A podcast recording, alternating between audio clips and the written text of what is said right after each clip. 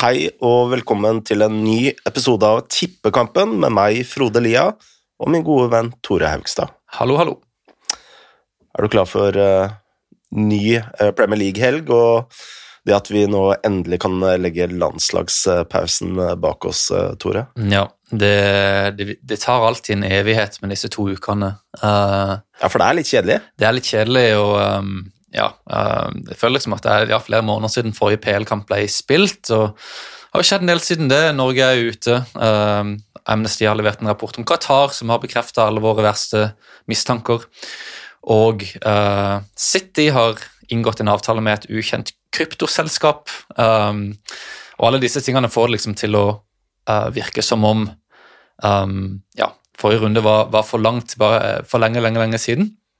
Um, og det er jo et poeng, det her altså, Jeg vet ikke om du har hørt det der med Arsen Wenger. altså Han støtter jo denne um, planen om å ha VM hvert andre år, mm. uh, som i seg selv er verdens kanskje verste idé. Men en del av hans forslag var faktisk å liksom uh, omstrukturere hele landslagsdynamikken, sånn at du får Jeg tror han ville ha en måned eller to måneder med vel mange kamper, mm. mange kvalikkamper.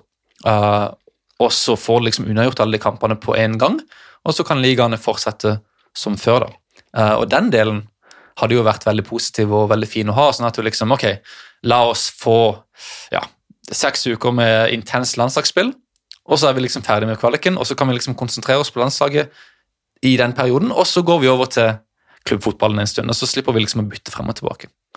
Det skal jo sies at det er jo egentlig Saudi-Arabia som står bak det forslaget. Ja, de står bak VM, men, ja. men jeg vet ikke om hva, hvor mye de har å gjøre med selve det, altså den delen av planen med liksom å endre dynamikken. altså hvor lange disse pausene er, da. Men, men, ja, det, det, er sant. Altså, det har jo vært et uh, tett uh, samarbeid mellom Saudi-Arabia og Wenger, og det er derfor det var så Når Newcastle nå skulle få seg en ny manager, at Wengers navn ofte og hyppig blei nevnt. Og så har du Wenger har jo også Jeg tror han er ganske tett på PSG. Um, og han har jo vært gjest mange ganger i Beansport, Beansport mm. som er basert i, i Doha, mm, hovedstaden i, i, Qatar. Så han har liksom og Det er litt interessant, fordi Wenger var liksom det moralske kompasset i Premier League da, og snakka om finansiell doping og alltid veldig sånn liberal og fornuftig, og så plutselig dukker han opp på Beansports, og plutselig uh, ja, uh, er han liksom den ledende figuren for en idé som har blitt solgt av Qatar via, nei, Saudi-Arabia via Fifa. Så litt skuffende å se at han liksom har havna der. Kanskje det var Wenger som var fredsmegler mellom Saudi-Arabia og Qatar? kanskje det. Kanskje det. Men eh, vi må snakke litt om eh, helgens, eh, helgens runde, og det er jo litt sånn hipsteroppgjør eh, denne helgen. Det er mange av de. Ja. Mange av de.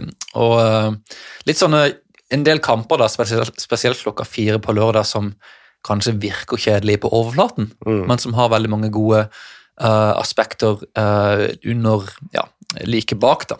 Og um, kan vel begynne med altså, vi, vi, vel, vi, kommer vel til å unngå de store her. Leicester og Chelsea begynner klokka halv to på lørdag. Uh, på søndag har du City Everton klokka tre. Du har Spurs Leeds klokka halv seks. Uh, mange nye trenere som skal i aksjon, og så har du Liverpool-Arsenal klokka halv syv på lørdag. Mm. Men vi skal konsentrere oss om et knippe ja, litt sånn nedre halvdel midt på tabellen oppgjør klokka fire på lørdag. Og vi begynner med Aston Villa mot Brighton. Men, men, før vi begynner med det, så kan vi jo si altså Det som alltid ja. er så utfordrende med landslagspausene, er jo alle skadene. Ja. Og det er jo noen eh, ganske store skadeforfall uh, uh, denne helgen. Altså, Liverpool har jo veldig mange som er nå tvilsomme. Henderson, Milner, Gomez, Robertson, Firminio er garantert ute. Uh, også et lag som Chelsea, for eksempel, har jo Alonso uh, Alonso er vel ute. Kovacic er ute, Werner er ute, og Lukako er tvilsom, så det er veldig mye skadeforfall ute og går denne, denne helgen. Det er sant, og så har du sikkert et knippe søramerikanske og mellomamerikanske spillere også som, som har kommet seint hjem, og det er alltid noen sånne tilfeller. Ja, Så dette er vel runden hvor man kan få litt sånn uforutsette resultater? Ja, det er godt mulig. Um, det gjør det også veldig vanskelig, tror jeg, for de nye trenerne å sette sitt preg umiddelbart. Um, da spesielt Dean Smith i Norwich, um, Steven Gerrard i Villa. Du får veldig lite tid med spillerne. Mange spillere er ute, mange spillere kommer seint tilbake. Uh, veldig begrensa hva du kan gjøre, og vi var det vel Hadde ikke Claudio Ranieri sin debut med Watford like etter landslagspausen forrige gang? Mm. Jeg mener det.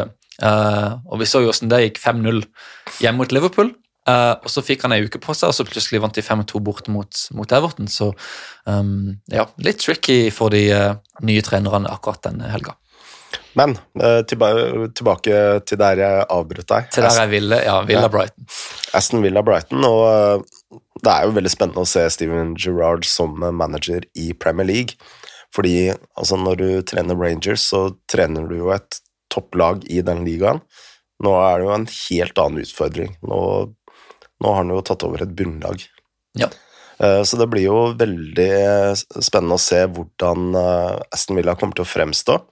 Og jeg har tatt en, eh, et lite dypdykk i hvordan Rangers har spilt under Girard, og litt rykter fra rundt særlig Rangers da, om hvordan Steven Girard er som manager. Og altså Særlig når vi ser på statistikken, da, så ser du at uh, den korte tida han hadde under uh, Jørgen Klopp, må ha satt uh, veldig, veldig store spor.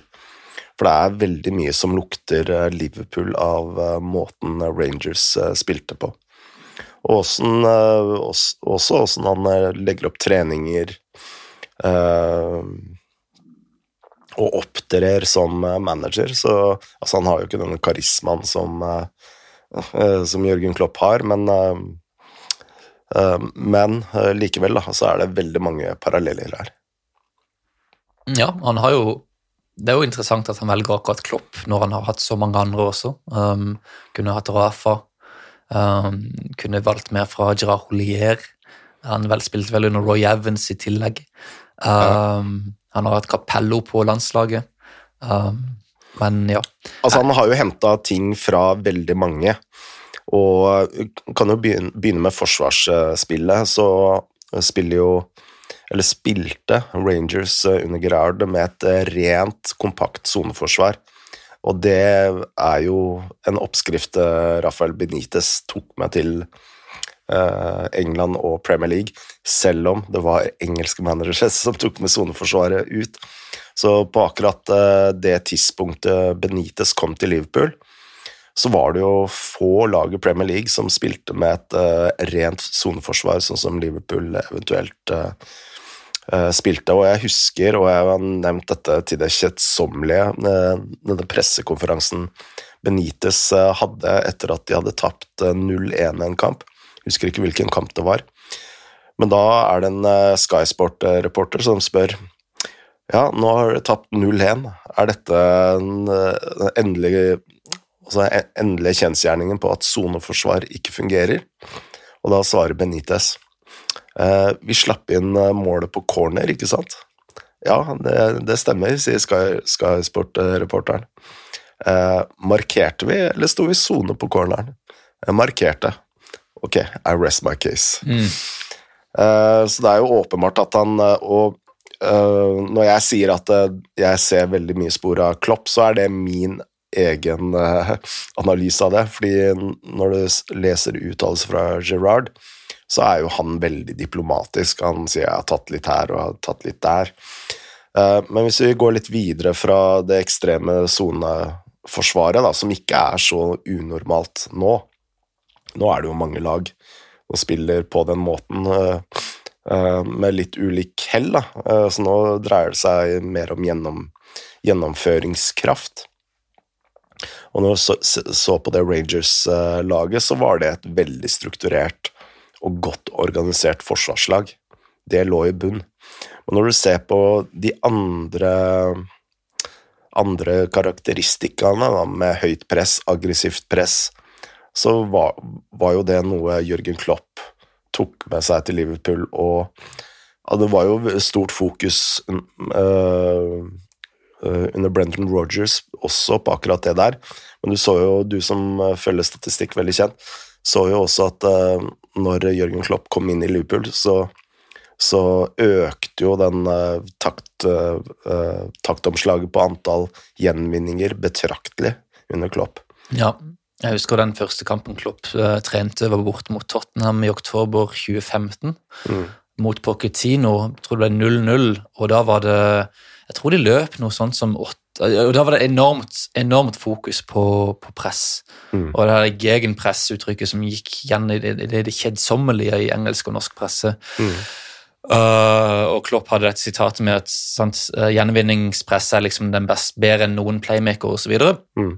Uh, og da var det enormt fokus på, på akkurat den gjenvinningsgreia. og Um, litt sånn som vi har om, Han hadde jo ikke veldig mye tid på seg til å innføre noe særlig med struktur og sånn i, i, laget, men han fikk det til å presse og løpe vanvittig, og jeg tror de løp noe sånn åtte eller ni kilometer lengre i den kampen mm. enn de hadde gjort i snitt uh, den sesongen. Uh, ja. Så han hadde en ekstrem effekt ganske tidlig, men ja, det var jo det var jo veldig røft, da. Det var mye som ikke funka, men, men, at det skulle liksom løpe og få inn det presset, det var liksom den første byggeklossen da, til, til Klopp. Mm.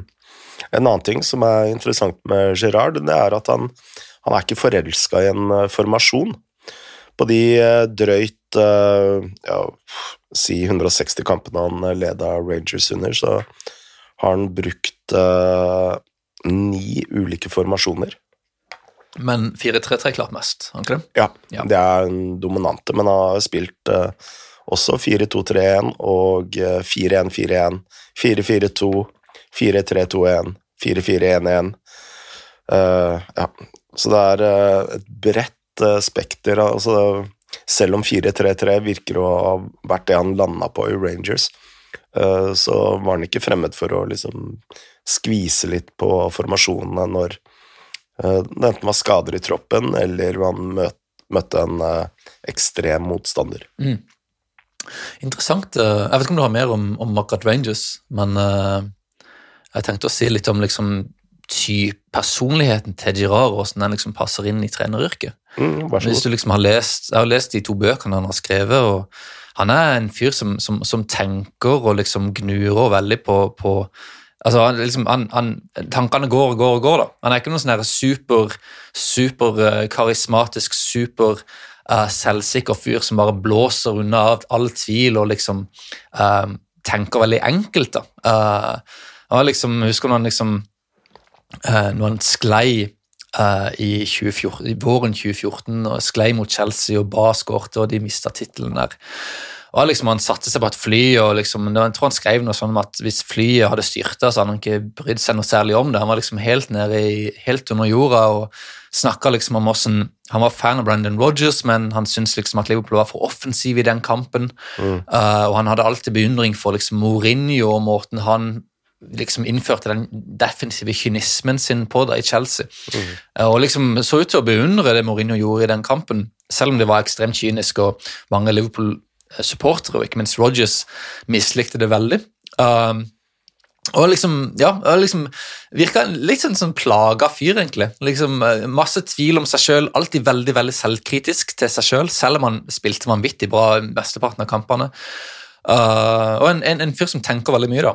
Og um, det er jo det er jo sånne typer da, stort sett som pleier å være gode trenere. Um, Nå har jeg jo skrevet litt, om hvordan, hvilke type spillere som ofte blir gode trenere. da, og Som oftest er det jo de defensive eh, midtbanerivjernene da, som, som, ofte blir gode. De som er treige, de som må bruke eh, strategi og kynisme og kløkt for å kompensere for dårlig tempo osv. Mm. Didier Deschamps, Conte sjøl Det er enormt mange um, eksempler på det. Pep Guardiola osv. Um, og hvis du sammenligner Girard med den gjengen, da, så er jo han uh, nesten for god som spiller til å bli en sånn typisk uh, trenergeni. Men uh, han har liksom, ja det er et hode da, som, som, tenker veldig mye på fotball, og som kan være veldig kritisk, og um, som jeg tror bør kunne gjøre det bedre enn f.eks. Lampard mm. og Rooney og Scholes og alle disse her, uh, uten at man kan si det helt sikkert, selvfølgelig. Men én ting uh, som uh, kommer til å bli sikkert, det er jo at uh, possession til Villa kommer til å øke. Tror du det? Ja. Ja, altså Akkurat nå så ligger vel Villa som en av de mest uh, direkte lagene i Premier League. Og uh, hvis du summerer opp litt uh, hans egen fotballfilosofi, sånn som han har uttalt i media, så er jo det å ha kontroll på ballen en veldig viktig, viktig del. Nå blir det jo feil å sammenligne med Rangers, da, som er et av topplagene, men de lå vel i snitt på rundt 67 ball possession. Ja. Uh, men uh, med tanke på det han uttaler selv, så er jo ball possession à la Brendan Rogers og Jørgen Klopp uh, veldig, veldig Noe han legger veldig vekt på. det. Ja. Og det er jo mulig å få det til. altså Rogers er jo et godt eksempel på det. At han kom inn i Leicester og tok et lag som De lå vel omtrent midt på tabellen under Claude Poole Mm. Uh, kan, det, kvaliteten der var kanskje litt bedre enn den posisjonen tilsa, men han klarte jo å bygge et, et veldig ballbesittende og, og, dominant lag, selv om han ikke hadde topp fire, topp seks-tall. Uh, så det er jo mulig. Han eh, ønsker jo å gi mer støtte til Matty Cash og Matt Target, så ja. Og så vi, kan vi se videre da om, om man faktisk har ballspillerne til å få det til. McInn er jo mer sånn kraftplugg som liksom flyr inn i boksen og kriger og kjemper på midten. Uh, så har du Douglas Louise der. Mm. Um, uh, du har Bundia som er en mer en sånn offensiv type. Um, så spørs man liksom klarer å få det til med det laget, men um, det er iallfall mye talenter. og um, jeg, jo, det er jo ofte sånn at man liksom sånn, Litt sånn som med Arteta, da, at han kommer fra City og liksom kommer med en stor ideologi og vil liksom gjøre det sånn og sånn, og så begynner Arsenal med å være en slags City-kopi, mm. og så gradvis så skjønner han liksom at ok, det her kommer ikke til å fungere i lengden, vi er ikke så gode, uh, vi legger oss litt bak, og nå spiller de plutselig 4-4-2 og har 40, 46 ball possession i snitt osv., så, videre. så vi får se om hvor nærme Gerard klarer å holde seg det um, han virker jo som en litt, han har satt. da. Han virker jo som en litt mer sånn pragmatisk fyr, da, i hvert fall med tanke på det du ja, ja. nevnte her. Og det er jo tegn på en, en god trener da, at han klarer å tilpasse seg det laget han har. og uh, ja, jeg synes, jeg gir ikke noe mening at Villa skal liksom plutselig bli som City. sant? Jeg tror mm. han finner en, en, god måte å kombinere de to tingene på. Uh, det er iallfall tror jeg den lureste veien å gå. Så vi kommer oss uh, litt videre? Vi får gjøre det. Um, ja. Wolverhampton Westham. Uh, det er en kamp jeg gleder meg veldig til. Ja, uh, fortell oss hvorfor. Ja, det er litt rart, fordi jeg tror kampen ender 0-1 til Westham. Men uh, det er jo to av formlagene i Premier League. Jeg tror hvis du ser på de siste fem kampene, så ligger vel Wolverhampton på en femteplass og Westham på en andreplass på formtabellen. Og Wolverhampton har jo virkelig fått uh, fart på sakene, men uh, når du ser Westham, og de slår uh, Liverpool 3-2, så sier det noe om toppnivået til, til, det laget. Ja. Og nå har de vel slått sin tidligere rekord med antall unbeaten matches. Nå har de elleve kamper på rad uten tap. Ja, det var jeg ikke klar over. Um, de har vel også flere poeng nå enn de hadde på samme stadie i fjor. og Jeg var en av de som trodde at de kom til å falle ned til sånn åttende-niendeplass mm. uh, uten Lingard. og uh, Følte liksom at kanskje klarer de ikke å skåre så mange mål på dødball som de gjorde før. Men uh, det har vært å undervurdere det laget. Mm. Um, og um, ja, de er rett og slett veldig, veldig gode. Um, skal vi se her Vi har jo, vi har min for, elskede uh, expected goals-tabell. da. Mm. Uh, når vi ser på målforskjellen på expected goals, som jeg vil si er en av de aller beste måtene å liksom kalkulere hvem som faktisk spiller bra og har, liksom, er sterke, da. Mm. så ligger Westham på uh, topp fire. Du har to lag som skiller seg ut, med Liverpool og City, som ligger på rundt 15 pluss. Mm. Så har du Chelsea på ca. 8, uh, og så ligger Westham like bak på 6,1. Um, de har jo da spilt bedre enn det. De har en faktisk målforskjell på pluss ti. Så de kan si at de er på en liten sånn hotstreak, da, men likevel um, så United har jo f.eks. minus 1,9, Arsenal har minus 2,2, mm. Tottenham har minus 2,5. Så det er et lag som, som, rett og slett spiller bedre i, i alle faser uh, enn de lagene som man skulle tro uh, kom til å ta den fjerdeplassen. Mm. Det jeg liker med Westham, er at uh, altså de skårer mål på veldig ulike måter. Altså De er et av de beste dødballagene i Premier League. Kanskje det beste. Ja. De skårer på kontringer, og de skårer på oppbyggende spill. Ja. Og dette er jo en liten eh, Ikke bare en liten, en enorm revansj for, for Moyes, som var en vits, egentlig, på et tidspunkt. Han liksom hadde alle disse rare sitatene i Real Sociedad med Jaramendi og, som jeg syntes var utrolig morsomme. Eh, jeg tror han bodde på et hotell der, men han gadd liksom ikke å uh, å slå seg ned i byen en gang og lærte aldri spansk, var ikke i nærheten av det. Um, og så gikk han til Sunderland, hvor jeg vet, husker ikke om han rykka ned eller ikke, men det gikk heller ikke bra i det hele tatt. Um, så du tror liksom at han skal liksom bli avskrevet, da. Um, som denne lille gamle dinosaurskotten som var god uh, i tida til Benite som Mourinho. Uh, og det var liksom lett å tro det også, fordi når du ser på de trenerne som, som var gode på Moyes sin tid, så er det jo veldig få av de som har klart å følge med. Wenger er ute av spillet, han er, begynner å bli gammel nå.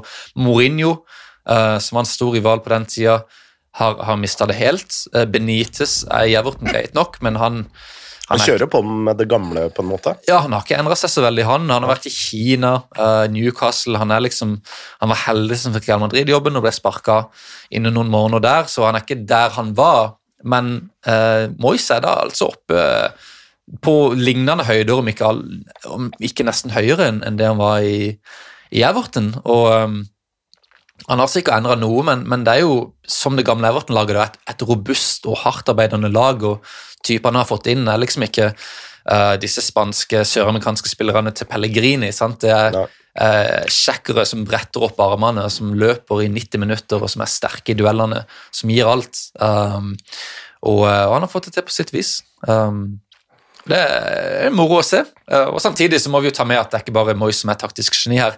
De har rekruttert veldig veldig bra. Ja. Uh, og uh, de har en sentral midtbanespiller i Declan Rice som er det er nesten, nesten, uansett hvor mye skryt han får, så syns jeg han kan beregnes som, som undervurdert. Mm. Han er så utrolig viktig. Uh, så god med ballen, så rask, så vinner så mange dueller og dekker så vanvittig mye rom. Uh, en, av, en, av, de aller, aller beste spillerne i ligaen, og uh, det har hatt enormt mye å si for Westham at de liksom har klart å beholde så mange gode spillere etter den sesongen de hadde forrige sesong. Ja, og han var jo ute av Englandstroppen uh, sist helg men uh, er visstnok klar til denne kampen her. Uh, men jeg vil jo også mene at Susjek også er Altså, den duoen der er jo utrolig, utrolig sterk. Ja, en av de aller beste, og det er ikke mange du ville bytta de med i, i Premier League. De hadde, de hadde inn på United sitt lag. Mm. Um, jeg kan ikke tenke meg så veldig mange andre uh, sentrale duoer da i Premier League som er bedre enn de to. Men uh, jeg husker uh, Trevor Morley av alle uh, spurte meg hva er som gjenkjenner en Eller hva er den viktigste oppgaven til en manager? Og da ble jeg litt sånn svar skyldig, da. Jeg tenkte sånn Ja, taktisk, menneskebehandling osv. osv. Men han var klar på at det var å gjenkjenne en god spiller fra en dårlig spiller, og hvor en god spiller kan bli best mulig. Og der eh, mener jeg Moyes har jo truffet eh, virkelig spikeren på hodet med det å sette Antonio på topp fra, fra siden. Ja, absolutt. Absolutt. Det er vel han som gjorde det. Spilte han, eller spilt, var han spiss under Pellegrini? Han, han, han har jo spilt eh, spiss under Pellegrini òg, men der spilte han jo alt mulig. Ja. Um, og vi må jo huske også at altså, så nylig som det var vel sommeren 2018 eller 2019, så jeg kan slå det opp, så kjøpte uh, Westham Sebastian Haller og betalte vel noe sånt som 50 millioner pund for han. Mm. Uh, det var sommeren 2019, så to og et halvt år siden. Uh, og det, mens de hadde Antonio Stallen. altså det antyder jo da at selv for to og et halvt år siden så, så gjenkjente ikke Westham Antonio som den superspissen han er, mm. Eh, og følte at det var nødvendig å bruke 50 mil På, på, en ny spiss, som nå spiller veldig bra i Ajax, men som Um, ikke fikk det helt til i Westham, og Moyes var jo ganske tidlig med å finne ut at liksom Antonio skulle være spissen, og de kaster vel Haller ut i var det, i januar tidlig i år. Mm. Uh, for mindre enn halvparten av det de kjøpte han for. Så um, det skal man jo ha kreditt for, at han, at han virkelig reindyrka Antonio og ga han den plassen og den tilliten han, han fortjener. Ellers så er jo min eh, kjepphest en god keeper. Og det har jo absolutt uh, Westham. Fabianski har vært helt strålende i år. Absolutt. Igjen. Uh, spiller du fantasy, Tore? Jeg elsker fantasy. Ok. Ja, Fabianski er den første jeg tar ut. Uh, og så kan vi gå innom Wolves også. Uh, de hadde jo, altså Denne rekka her er interessant, fordi de tapte veldig mye i starten. Um, mm. Var det? Tre strake 1-0-tap, uh, samtidig som de fortjente bedre. Jeg har jo denne rekka her med forventede mål for og imot i løpet av de kampene. og Tapte 1-0 mot Leicester i starten, som var helt jevnt. Tapte 1-0 mot Tottenham. Jeg tror Tottenham hadde ett skudd før pause i den kampen og leda 1-0. men sånn forventede mål Wise så var det også helt jevnt. Og så tapte de hjemme mot United, eh, og der hadde uh, Wolves 1,8 1,8 i forventede mål. United hadde 0,6, så det var rett og slett et ran. Uh, og det var mange som snakka om at Wolves var det nye Brighton. da, At de liksom spilte veldig bra, men ikke fikk noe uttelling. Og siden det da, så har de fått 1, 2, 3, 4, 5 seire på åtte kamper. Uh, funnet veldig god form, som du snakker om. Uh, samtidig som alle disse kampene har vært ganske jevne. Siste fire seirene har vært 1-0, 2-1, 3-2, 2-1. Um, og alle utenom Westham-kampen har vært ganske jevne kamper. Mm. Så uh, du kan si at de har fått litt sånn um, karmene, eller Marginene har svunget de sin vei de siste, siste fem-seks kampene, og de har fått mer uttelling. Um, de går kanskje litt for ofte målløse av uh, banen. De gjorde iallfall det i starten. Um, nå har de fått nok da, til å vinne et par de siste ukene, men Ja, men De skåra ikke mot Crystal Palace, f.eks. Nei, de gjorde det ikke. Så, uh, og, og, men mye av det har jo litt med Riminez å gjøre også, for uh, etter, jeg så gjennom dette i starten av sesongen, og det var liksom Utenom Riminez er det nesten ingen i det laget som har noe som helst record for å skåre skåre mål. Jeg tror ingen av de har, har noen gang fått mer enn åtte mål i løpet av en ligasesong. da. Nei, og det er det jeg tenker er litt problemene til Wolves. da, Åpenbart. At de er en litt sånn one trick pony. Ja. Uh, altså De er jo gode defensivt. De har jo bare uh, sluppet inn tolv mål i år. Ja, absolutt. Uh, så det, men det er, jo, det er, jo, ingen tvil om at Bruno Lager Nei, det var fransk, det. jeg vet ikke portugisisk La, jeg vet ikke. Lage. Bruno Lager. Ja. Lager. Ja, vi, vi satser på det.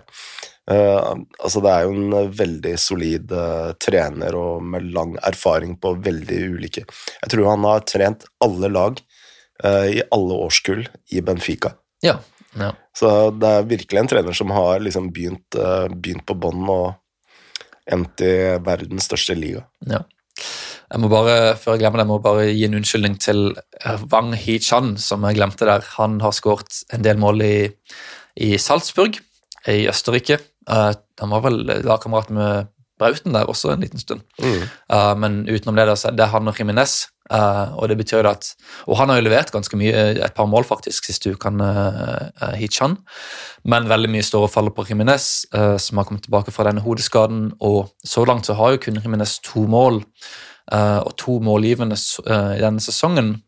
forventede mål Er ikke Chan toppskårer? Jo, det, jeg tror han er toppskårer nå. Ja. Um, Jiminez er jo en spesiell spiss, fordi han, er, han, er liksom, han skårer ikke mye mål, men han legger også opp til veldig mange sjanser og er et sånn bindeledd mellom, mellom, mellom, veldig mange spillere, mm. både nå og under Nuno. og Han hadde to veldig gode sesonger under Nuno eh, da Wolves nettopp hadde rykka opp. Um, 13 mål og 7 assist i 2018-2019, og så 17 mål og 6 assist i 2019-2020. Begge de sesongene så lå han på rundt 0,40 i forventede mål per 90 minutter, og mellom 0,15 og 0,19 i forventede målgivende, som er veldig veldig, veldig bra for en spiss. Mm. Um, denne sesongen ligger han på 0,15 i expected assist, som fortsatt er bra, men forventet mål er gått ned til 0,27. Og i tillegg så har han bare skåret 0,20 av de, så han kommer til færre sjanser og setter færre av de, men så må vi jo kanskje ta mer i beregninga også at han trenger litt tid på å komme seg tilbake fra denne skaden. og um, kan muligens komme tilbake til toppnivået sitt igjen. Uh, det er veldig veldig viktig. Så fra sånn statistisk uh, ståsted da, så bekrefter det egentlig det alle antar, at uh, er, de er rett og slett for dårlige til å sette ballen i mål? Ja, hvis du vil ta en sånn generell dom over Wolves, så, så kan du si det. Og når du ser på en fyr som være litt tabloid her. Ja, og når du ser på en fyr som Adama Traoré, så er jo det Altså, han har jo fått ganske bra tall før, men han, ja, han, han er bare ikke så veldig god til å, til å sette den så, Sånn i Akershus så bruker man eh, terminologien allergisk ja. spillere som uh, Traveré. Vaksinert er vel også et uh, Vaksinert, Ja, det var kanskje vaksinert. Vaksinert måtte skåre mål. Altså, der ser du. Du har mer oversikt over uh, uh, Akershus enn det jeg har. Kanskje. Uh, skal vi videre til den siste kampen? Ja. Hva gleder du deg som avslutningskamp i Premier League? Newcastle Brentford, og vi har jo snakka noe med de har Vi snakka om han forrige uke. Spennende å se hvordan han gjør det. Du velger altså Newcastle Brentford framfor Leicester Chelsea, Liverpool Arsenal? Ja. ja. Det er interessant. Ja, fordi vi vet omtrent hva vi får med de lagene. Mm. Uh, Arsenal er på en god kurve, de er sterke defensivt. Liverpool slipper inn en del mål, men skårer enda flere. Um, Chelsea har vært heldige som ikke har sluppet inn mer, men kan de klare å um, holde tett igjen mot Leicester, som blir etter å ha hatt veldig mange lette kamper? Altså, de har sluppet inn fire mål i år? Ja. Uh, er det bare flaks? Delvis. Uh, litt flaks, litt en veldig, veldig god mendy, um, men de er gode. De er gode bakover. Også, men, men eh, Newcastle Brentford er interessant, fordi um, jeg har jo skrevet en sak om, om Brentford som ennå ikke har blitt publisert, men uh, som jeg gleder meg veldig til å bli ferdig med. og um, Der så jeg liksom på denne ferden Brentford har hatt gjennom systemet, gjennom ligasystemet. da. Mm. Uh, og Vi snakka litt før, luft, før, vi gikk på lufta her om liksom folk, nytenkende fotball altså Du snakker liksom om direktører og, og fotballfolk som, som, er gode på det å strukturere og gjennomføre ting, men som kanskje ikke alltid tenker så mye nytt. Mm. Uh, og Her er jo Brentford et eksempel på en klubb som har gjort alt annerledes egentlig enn en sine rivaler. Um, uh, de er jo eid av en profesjonell, tidligere profesjonell gambler Matthew Benham? Yes, uh, og bruker veldig mye statistikk. Uh, ser på veldig mye tall og sånn expected goals og alt det her, og moneyball osv. Selv om de distanserer seg sjøl fra det uttrykket, da. Um, fordi de mener det, ja, det, det er et veldig generell, generelt uttrykk. da. Og det kommer veldig an på hva slags statistikker du ser på. Uh, men de har brukt det, og så har de vært veldig flinke til å utnytte ulike felt i fotballen da, som andre kanskje ignorerer. Uh, de har vært veldig veldig gode på eh, dødball. Uh, hatt masse spesialister inne, både på innkast, frispark, cornere osv. Uh, det er der jeg husker ikke nevne, Bernardo eller vel Bernardo Cueva, den meksikanske dødballspesialisten som Norge har lånt inn siste månedene. Det er der han jobber nå. De hadde vel Thomas Grønnemark, som er innkasttreneren. Ja. Liverpool har knytta seg opp til seinere. Alt dette begynte Brentford med. I tillegg så har de en egen eh, søvnekspert, eller søvntrener. Um, de, har, de, de, bare veldig veldig gode til å følge opp trenerne utenfor banen og utnytte disse tingene som, som andre kanskje tar for gitt. Um, og så har de ja, Med dette da, så har de liksom klart å bygge seg opp fra League One til, til Premier League på, på noen år. og Um, I løpet av den perioden så har de solgt veldig veldig mange spillere, fordi de er ikke en stor klubb, de har ikke superrike eiere. Um, de må selge for å få regnskapet til å gå opp. og det er liksom lett, og Hvis du ikke har fulgt denne historien, så er det lett å, å, å liksom gå glipp av hvor mange gode spillere som er i Premier League nå, da, som har vært innom det Brentford-systemet. Mm. Uh, du kan ta Villa, der du Ollie Watkins, du har NC Consra, Uh, Dean Smith var trener der før. Uh, du har Neil Pay, uh, du har Ben Rama i Westham. Uh, men flere er det. Det er flere. Jeg husker ikke alle rett sånn nå. Uh, men så kjøpte de også Even Tony fra Peterborough for sånn to år siden for nesten ingenting. Han er nå en superspiss. Um, så de har hatt veldig mange gode spillere. Um, og uh, det er jo Jeg snakka med han der Jeg fikk et intervju med han der Kasper Nei, Ras... ah, hva heter han nå? Rasmus Ankersson, som er en av de to direktørene i Brentford. Mm. Uh, og Han snakker liksom om, om, denne modellen da, og hvordan disse søvnekspertene og direktørene og, og analytikerne og speiderne hadde så enormt mye å si for Brentford. da. Mm. Uh, og at liksom hele dette systemet er så bra satt sammen at nesten uansett hvem Brentford har som trener, da, så er sjansene veldig gode da, for at de gjør det bra. Uh, og han brukte en metafor. Han sa at um, treneren er kun toppen av isfjellet. Mm. Det er liksom det alle på utsida ser, det er det pressen snakker om, det er det um, fansen snakker om, uh, uten at noen kan navnene på sånn, sånn, søvntreneren og direktøren osv. Uh, han sa også at det var 10 sa han, av hele prosessen var treneren og laget. Mm. Og de resterende 90 var folk som, trenere som folk ikke har så veldig mye forhold til. Um, og han sa det og gjorde det intervjuet i den perioden da, hvor det var veldig mye snakk om Solskjær og strukturen i United, da, og han refererte ikke til, til United spesifikt, spesifikt, men det var veldig lett å, å forstå hva han, hva han sikta til. da. Mm. Um, så det syns jeg var veldig interessant. Og uh, en annen ting med Brentford er jo at um, de klarer å se prosessen bak resultatene. Um, Thomas Frank, som er der nå, tapte jo åtte av sine ti første kamper uh, i, i, jobben, og ble likevel ikke sparka fordi disse direktørene så at ok, forventede mål er bra, laget spiller bra, dette kommer til å snu. Og for å avslutte denne lille talen, da, så er Brentford i en ganske lignende situasjon akkurat nå. Eh, de har tapt fire på rad. Eh, den første var mot, de var mot Chelsea hjemme, hvor de hadde 1,5 i forventede mål og slapp inn 0,3. Tapte 1-0 etter ran. Så var det et hjemmetap mot Leicester, som var 50-50. Så kom et veldig stygt tap mot Burnley, som, hvor de fortjente å tape. Uh, og så tapte de hjemme mot Norwich da, uh, forrige, for to uker siden. Selv om de igjen skapte de største sjansene og burde vunnet kampen. Så um, Brentford er på et stadie nå hvor du vil tro at de kommer til å snu dette med de prestasjonene de leverer. Uh, og så får vi se om dette skjer allerede nå mot Newcastle. Jeg har jo en liten digresjon først. Matthew Benham og dette er helt utrolig. Han har ikke egen Wikipedia-side. Det er utrolig. Det ja. burde han ha. Ja, altså, jeg tror han aktivt uh, uh, Altså, med en gang det kommer en Wikipedia-side, så forsøker han å, å aktivt stenge ned. Ja. Han er jo veldig sånn publicity shy. Mm. Men dette med Thomas Frank er jo også veldig interessant, da, fordi han er jo egentlig en litt sånn uerfaren trener. Ja. Uh, han har vel bare tre år som hovedtrener uh, i Brønnby, før han blir assistent i Brentford i 2016.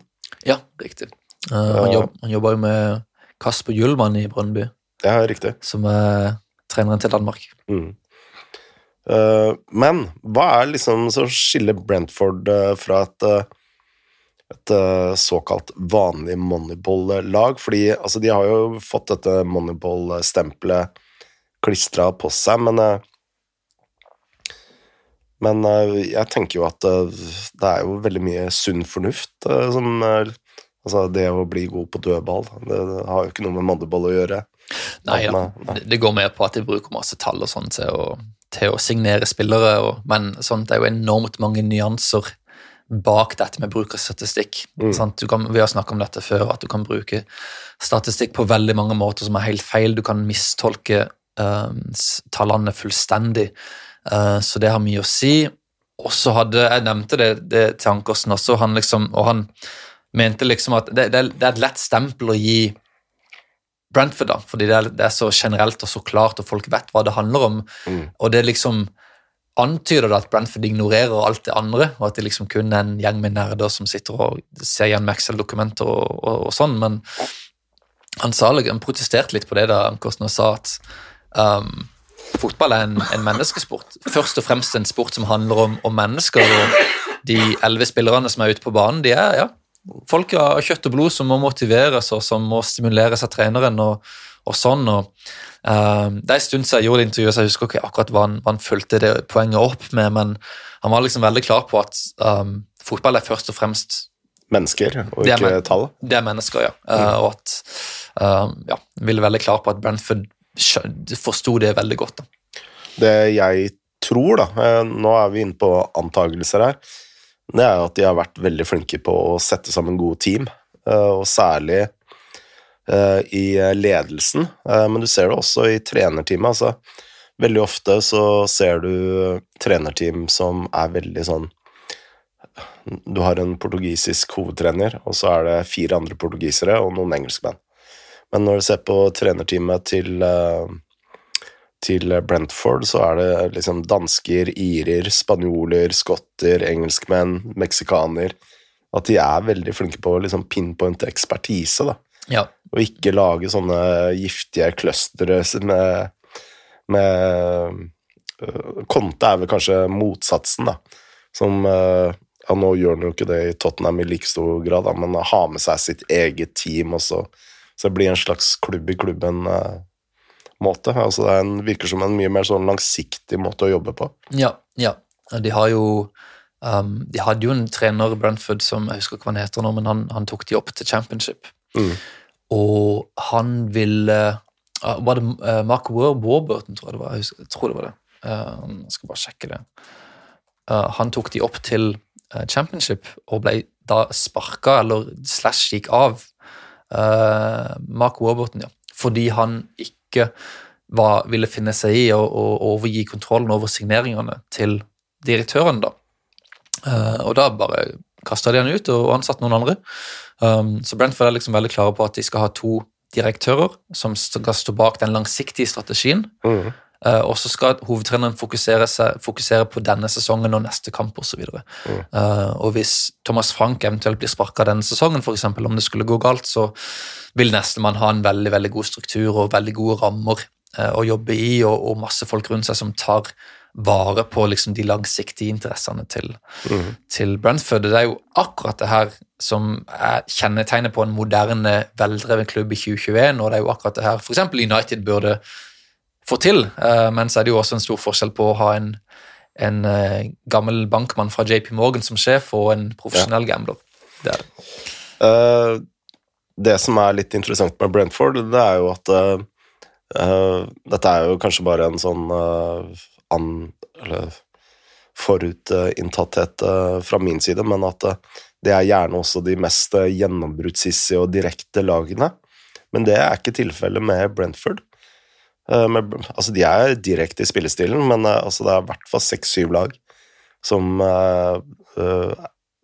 sånn statistisk da, er mer direkte enn Brentford. Ja, ja.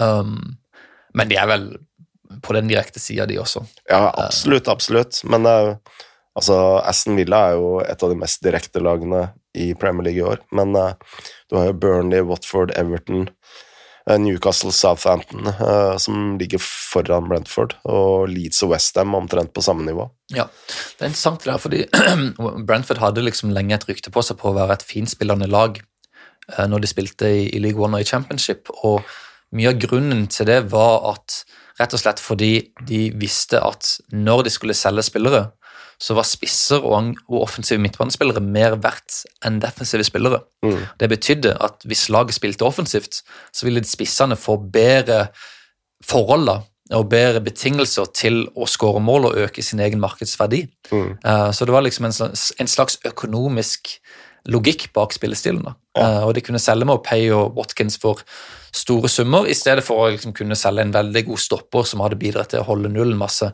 for kanskje halvparten. Mm. Uh, men siste årene i championship så, så, bytta de litt om og har først og fremst blitt veldig solide bakover. Mm. Og uh, hvis du ser på forventede mål imot IPL, så ligger jo Brentford De hadde de sjett beste tallene. Um, Ca. 12,7 forventede mål imot på 11 kamper, som er veldig, veldig, bra. Mm. Og jeg, jeg, snakker om den totale forventede mål-forskjellen, da og at Westham lå på fjerdeplass, eh, City og Liverpool på topp, Chelsea på tredjeplass. Femteplassen tilhører faktisk Brentford. Mm. Eh, så rent sånn sett så er de fem, femte beste laget, mens de likevel ligger på 14.-plass. Så uh, det er jo på ingen måte et lag som er på vei mot nedrykk, om du ser på de tallene. Jeg ville kanskje tenkt litt annerledes, da. Beklager. Litt småsyk? Litt små, småsyk. Uh, nei, at hvis uh, du kan forbedre laget ditt mest da, ved å kjøpe billige spillere, altså keepere og forsvarsspillere, så ville det kanskje gitt mest verdi å liksom kjøpe de. Ja, ja, de kjøper jo de. De kjøper jo de. Men det er mer som en tanke på salg, da. Ja, ja. Uh, at de, de, de prøver å spille på en måte som gjør at de får mest mulig ut av de spillerne de har. Men når du er i Premier League, da, så er du liksom på toppen av næringskjeden. Ja, så nå da. spiller de jo mer defensivt igjen. Ja? Så, så nå gir det mening. Er du jo på toppen av næringskilden, du skal jo ikke uh, ja. Og det er det, som, det er det, som, er gøy nå, at de endelig uh, har klart å beholde alle spillerne over sommeren. da. Uh, kanskje hvis de ikke hadde rykket opp, så måtte de selge Even Tony for eksempel, og finne en ny spiss. Mm. Så, uh, så, det er veldig gøy. Og, um, um, ja, får håpe at de klarer seg. Det har vært veldig gøy å se hva de gjør for neste sommer, da, om de igjen får muligheten til å holde bandet sammen. Da kjøper de Fabianski. Mm, hvis de er lure? Nei da. Vi får se. Vi får se. De har jo veldig, veldig sånn skandinavisk eh, kjerne. Uh, ja, fordi jeg, Matthew Benham eier jo også FC Midtjylland. Riktig. riktig. Ankersen er dansk. Um, så jeg tror det er andre skandinaver inne i teamet der også. Pontus Jansson, svenske i Midtforsvaret. Uh, Ayer, uh, Nørgaard, uh, masse, masse, masse, dansker. Så um, der kan du si, der har du en slags identitet på, på selve laget, uten at det nødvendigvis betyr at de ikke kjøper spillere fra helt andre steder. Jeg tror jeg må kaste inn eh, håndkleet nå. Jeg tror ikke stemmen min holder mer. Nei, men en veldig veldig god innsats. Um, så jeg håper du Veldig interessant å høre om Brentford. Veldig, ja, kjempe, Kjempemorsom historie og uh, et, et, lag som det er veldig lett å bli glad i. Uh, både som nøytral tilskuer, men også hvis du er interessert i tall og liksom nytenking og, og masse sånn. Mm, gleder meg til å lese saken. Jeg håper han kommer ut uh, Jeg hadde egentlig tenkt å kjøre han ut for lenge siden, når de liksom virkelig gjorde det bra. Uh, men så tok det lang tid å få tak i han Ankersen, og så nå har de tapt fire på rad, og da er det ikke så veldig lett å, å publisere. Uh, men så fort Brentford kommer litt inn i nyhetsbildet igjen, så, så trykker, vi, trykker vi publisere. Jeg tror vi bare må si som vi alltid sier her i Tippekampen. Adios. Adios, amigo. Og på gjensyn, eller gjenhør, neste uke.